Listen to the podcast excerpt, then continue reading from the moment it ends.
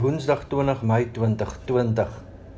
In Romeine 5 het Paulus beklemtoon dat niks by God swaarder weeg as sy genade nie. Ons is deur God se genade verlos. Nou was daar mense wat gesê het dat hulle dan maar kan sondig en selfs moes aanhou sondig om nog meer genade van God te kan ontvang. In Romeine 6 vers 1 tot 11 het Paulus dan verduidelik dat dit dwaas is en selfs onlogies sou wees om aan te hou sondig. In vers 3 het hy gesê: "Of weet julle nie dat ons almal wat in Christus Jesus gedoop is, in sy dood gedoop is nie?" Vers 6: "Ons weet tog dat die sondige mens wat ons was, saam met Christus gekruisig is, sodat ons sondige bestaan beëindig kon word. Ons is dus nie langer slawe van die sonde nie." Ons het ook gisteroggend in Romeine 6 vers 1 tot 11 gehoor dat Paulus dit duidelik stel dat God nie aandring op beter ou mense nie, maar op dooie ou mense. Ons is klaar met die sonde. God vra nie dat ons beter mense moet word nie, maar dat ons die ou mens sal afsterwe en begrawe en nuut sal begin lewe, soos wat God ons bedoel het om te lewe. Christene is radikaal nuwe mense. Romeine 6 vers 1 tot 11 het gesê dat Christene gesterf het vir die sonde en leef vir God. Ons is nuut en ons lewe nou nuut. God vra nie beter mense nie, maar mense wat anders is. Ons lees vanoggend Romeine 6 van vers 12 af saam. Moet dan nie toelaat dat die sonde nog langer oor julle heerskappy voer en julle die begeertes van julle sterflike aardse bestaan laat gehoorsaam nie. Julle moet geen deel van julle liggame in diens van die sonde stel as 'n werktuig om goddeloosheid te bedrywe nie. Nee, stel julle in diens van God as mense wat dood was, maar lewend gemaak is en stel elke deel van julle liggame in diens van God as werktuig om te doen wat God wil. Die sonde moenie meer baas wees oor julle nie, want julle staan nie onder die wet van Moses nie, maar onder die genade. Wat beteken dit? Kan ons nou maar sonde doen omdat ons nie onder die wet van Moses staan nie, maar onder die genade? Beslis nie. Julle weet tog as julle julle aan iemand onderwerp om hom as slawe te gehoorsaam, is julle die slawe van die een aan wie julle gehoorsaam is. As dit die sonde is, beteken dit vir julle die dood. As dit gehoorsaamheid aan God is, beteken dit vryspraak en lewe. Maar ons dank God dat julle wat slawe van die sonde was, van harte gehoorsaam geword het aan die leer soos julle dit deur die oorlewering ontvang het. Ons dank God dat julle van die sonde vrygemaak is en slawe van God geword het wat sy wil doen. Weens julle beperkte begrip gebruik ek 'n beeld uit die alledaagse lewe. Soos julle elke deel van julle liggaam in diens van sedelike onreinheid en wetteloosheid gestel het en losbandig gelewe het, so moet julle nou elke deel van julle liggaam in diens van God stel om heilig te lewe. Toe julle slawe van die sonde was, was julle nie in diens van God nie. Wat was die vrug wat die dinge waaroor julle nou skaam kry toe vir julle opgelewer het? Die uiteinde van die dinge is die dood. Maar nou, julle is vrygemaak van die sonde en in diens van God gestel en die vrug daarvan is dat julle geheilig word en die uiteinde is die ewige lewe. Die loon wat die sonde gee is die dood.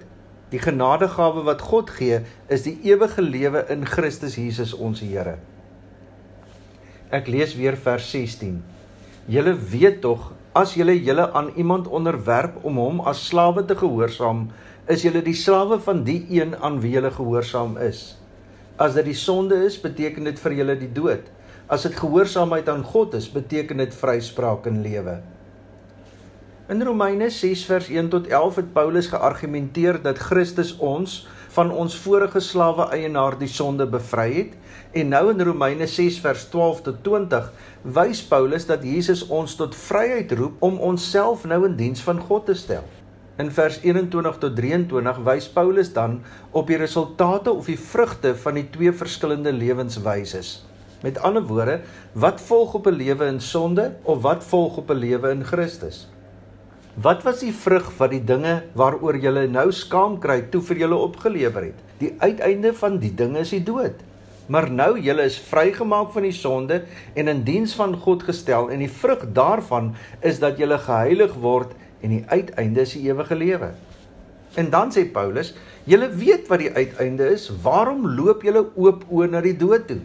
Moet dan nie toelaat dat die sonde nog langer oor julle heerskappy voer en julle die begeertes van julle sterflike aardse bestaan laat gehoorsaam nie. Julle moet geen deel van julle liggaam in diens van die sonde stel as 'n werktuig om goddeloosheid te bedrywe nie. Nee, stel julle in diens van God as mense wat dood was maar lewend gemaak is en stel elke deel van julle liggame in diens van God as werktuig om te doen wat God wil. Julle is nuwe mense. Moenie toelaat dat die sonde langer oor julle regeer nie. Leef onder God se beheer. Of jou lewe word gevul met sonde of jou lewe word gevul deur die genade van God, die een of die ander. Dit gaan oor ons prioriteite. Ons lewe is soos 'n houer. As jy dit volmaak met sand, die dinge wat regtig nie belangrik is nie, sal daar nie plek wees vir die groot belangrike dinge nie. Sit eers die groot klippe in jou lewenshouer in sodat hulle plek kan kry in jou lewe. Dit is die heel belangrikste dinge van die lewe. Met ander woorde, dit wat God eerste stel. Dis God jou naaste, met ander woorde verhoudings.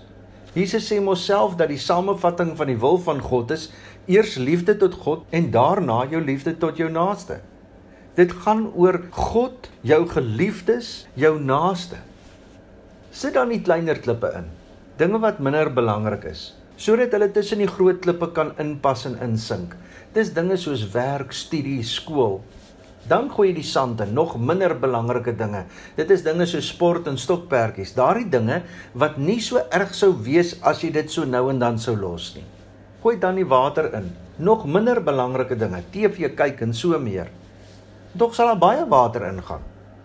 Jy sal werklik 'n vol lewe hê met baie vreugdes, groot en klein, want dit begin by die belangrike dinge, naamlik by God en jou naaste. En dan sal daar nie meer plek wees vir sonde nie. Maar as jy eers uit die sand ingooi, die dinge wat jy dink vir jou die lekkerste is, wat jy dink vir jou die belangrikste is, dan sal jy agterkom dat jou lewenshouer somme vinnig vol sal wees met gemors. Dinge soos my eer, my goed, my geld, jaloesie, selfsug, ek ek en ek. Sonde gaan altyd oor myself. Dan is jou lewe so vol goed, maar jy sal alleen wees. Jy sluit dan vir God en vir ander mense uit. Die lewe draai nie om jou nie. Jy sal vasgevang wees in jouself. Daar sal nie plek wees vir die belangrikste dinge in jou lewe nie. Jy sal nie die groot klippe inkry nie, dit wat vir God belangrik is. Stel vir God eerste. Doen dit wat vir hom die belangrikste is. Kry eenvoudig jou prioriteite reg. Jy weet wat dit moet wees. Hoe lyk jou lewenshouer? Jy ken mos die spreekwoord, hy's vol van homself. Sy lewenshouer is vol van homself en daarom is daar geen plek vir iets anders nie. Wat maak op hierdie oomblik jou lewe vol? Ons is in Christus nou nuwe mense met nuwe prioriteite. Ons kan nie maar net aanhou lewe soos ons gelewe het voordat Christus ons kom vrykoop het nie. Maar hier sit ons nou met 'n dilemma. Ons kan so maklik verskonings of versagtings vir ons sondes uitdink. In Paulus se tyd het mense gesê, ons is mos vrygespreek en ons kan nou mos maar doen wat ons wil. My sonde is mos betaal. En Paulus sê hiervan, dit kan nie. 'n Christen is 'n nuwe mens. Jy is nie meer 'n slaaf van die sonde nie. 'n Volgende verskoning wat mense maklik kan gebruik is dat ons nie meer in die Bybelse tye leef nie. Dinge het verander. Baie goed wat toe boos en sonde was, is in vandag se tye aanvaarbaar. Moenie so rigied wees nie. Sekere goed is nie meer 'n skande of sonde soos vroeër jare nie. Almal doen dit, almal leef so. Maar as almal dit doen, beteken dit sekerlik nie dat dit reg is nie selfsug, haat, bedrog, liefdeloosheid, eie sinnigheid, eie gewin. Dit is die standaard van vandag se lewe. En tog weet ons dat dit nie God se standaard vir ons lewe is nie. En so ook nie die klein sondetjies nie. Christene is radikaal nuwe mense. Hulle het gesterf vir die sonde en leef nou vir God. Ons is nuut en daarom moet ons nuut lewe. God vra nie beter mense nie, maar mense wat anders is. God se woord is nie maar net 'n riglyn wat jy kan nakom vir 'n beter lewe nie. Die woord van God is die enigste riglyn waarteenoor jy jou lewe moet inrig. Volgens Paulus is mense of slawe van die sonde of vrygespreek om te lewe volgens God wil. Elke deel van julle liggame moet jy in diens van God stel om heilig te lewe, sê Paulus. Hoe lyk jou lewe? Wat is vir jou belangrik? Wat is jou prioriteite? Wat maak jou lewe vol? Wat maak jou lewe sinvol? Ons is nuut. Ons moet nuut lewe. God vra nie beter mense nie. God vra mense wat anders is. Nou donderdag 21 Mei is Hemelvaart. Daar sou drie goed in ons gemeente gebeur het. Donderdag aand 6uur sou ons Hemelvaartdiens gewees het. daarmee saam sou ons ook ons oes en dankfees gehou het. Direk daarna, soos ons gebruik is, sou ons ook ons sop en brood aanhou. Almal het altyd sop en brood gemaak, daar was selfs melkkos en dan het ons tot laat aand saam gekuier. Ons gaan daarmee voort en ons gaan dit soos volg doen.